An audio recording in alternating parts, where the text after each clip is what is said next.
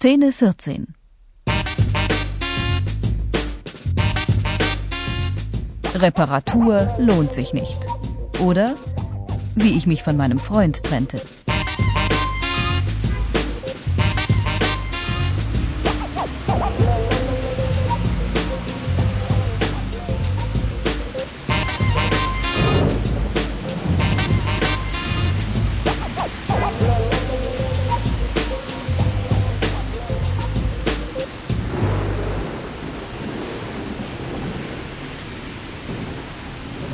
Ich hatte eine schlaflose Nacht hinter mir. Der Tag war verregnet und grau. Und genau so fühlte ich mich. Verregnet und grau. Todmüde. Vielleicht brauchte ich vor allem ein paar Stunden Schlaf. Aber ich stand vor dem Uhrengeschäft mit meinem kaputten Wecker in der Hand. Regen und Tränen liefen über mein Gesicht. Reparatur lohnt sich nicht, hat der Idiot im Laden gesagt. Sie können das Ding gleich wegwerfen.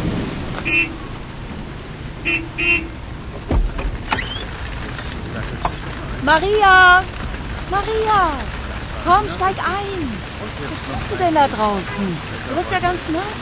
Oh, Hanne, gut dich zu sehen. Na komm schon, steig doch ein. Verkehrsmeldungen. Wir wünschen Ihnen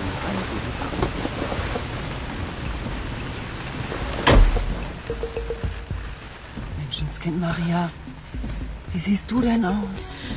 Du weinst ja. Was ist denn passiert?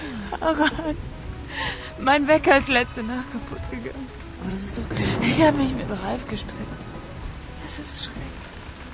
Sag mal, machst du Witze? Deshalb heulst du? Du hast den Wecker an die Wand geworfen. Im Streit? Ist es das? Nein. Aber er ist genau um halb vier stehen geblieben heute Nacht. Genau als Ralf und ich uns getrennt haben. Ach, nimm das doch nicht so tragisch. Na, das war doch nicht das erste Mal, dass ihr euch gestritten habt, stimmt's? Nein, aber dieses Mal ist wirklich Schluss. Und was ist mit dem Wecker da? Den wolltest du jetzt reparieren lassen, ja? Ach, da war dieser unsympathische Trottel von Verkäufer. Haben Sie die Batterien kontrolliert? Haben Sie denn noch den Garantieschein? Haben Sie den Wecker fallen lassen, Fräulein? Ach, wie nett, ja, ja. Hast du ihn wenigstens Herrlein genannt? Nee, leider nicht. Ich war zu gar nichts mehr fähig. Weißt du, als er gesagt hat, tut mir leid, die Elektronik ist kaputt. Reparatur lohnt sich nicht. Da war es, als hätte er gesagt, werfen Sie Ihr Herz doch auch gleich weg mit dem Wecker. Ach, Mariechen, Mariechen. Ich glaube, du brauchst etwas Schlaf, stimmt? Ja, ich brauche eine ganze Woche Schlaf. Hann. Aber ich mag nicht nach Hause gehen. Doch... Also den vergisst du jetzt einfach mal, ja? Du kommst mit zu mir.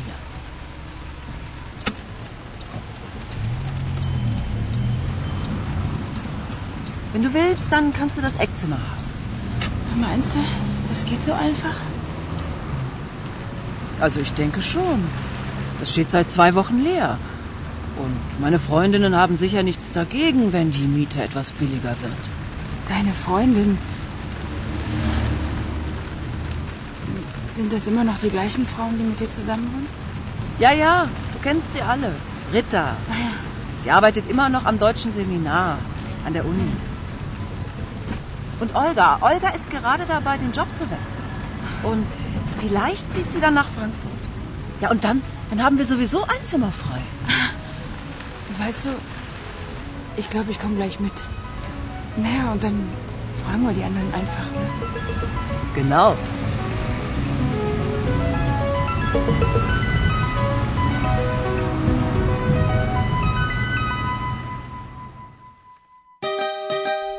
Das war das Spiel. Jetzt sind Sie dran. Bitte sprechen Sie nach.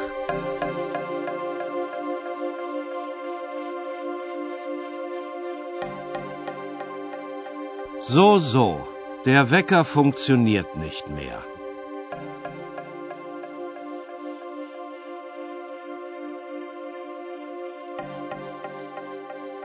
Haben Sie die Batterien kontrolliert?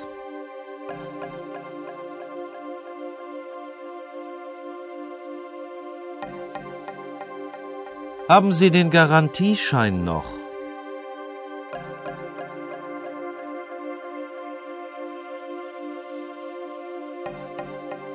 Haben Sie den Wecker vielleicht fallen lassen?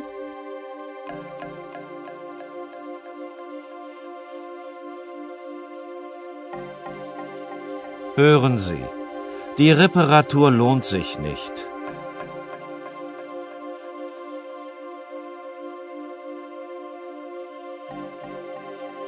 Die Elektronik ist kaputt.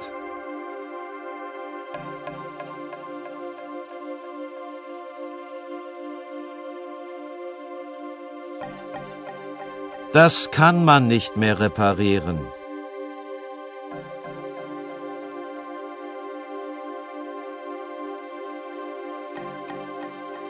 Kaufen Sie sich lieber einen neuen.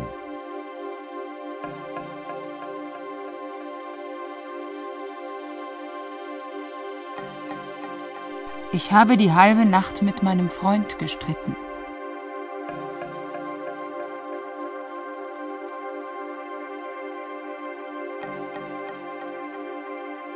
Es war schrecklich.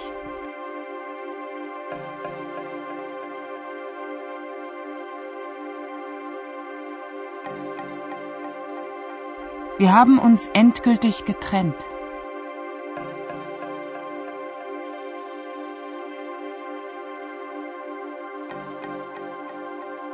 Dieses Mal ist wirklich Schluss.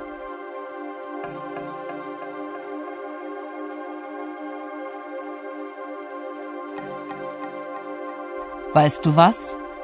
Du kommst jetzt zu mir.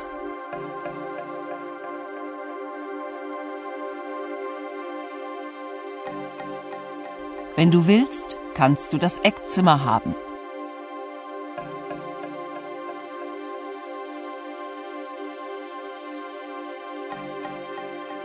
Meinst du, das geht so einfach?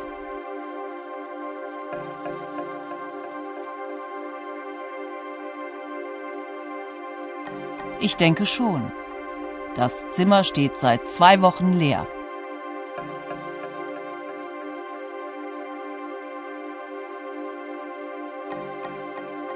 Da hat sicher niemand etwas dagegen, wenn die Miete billiger wird.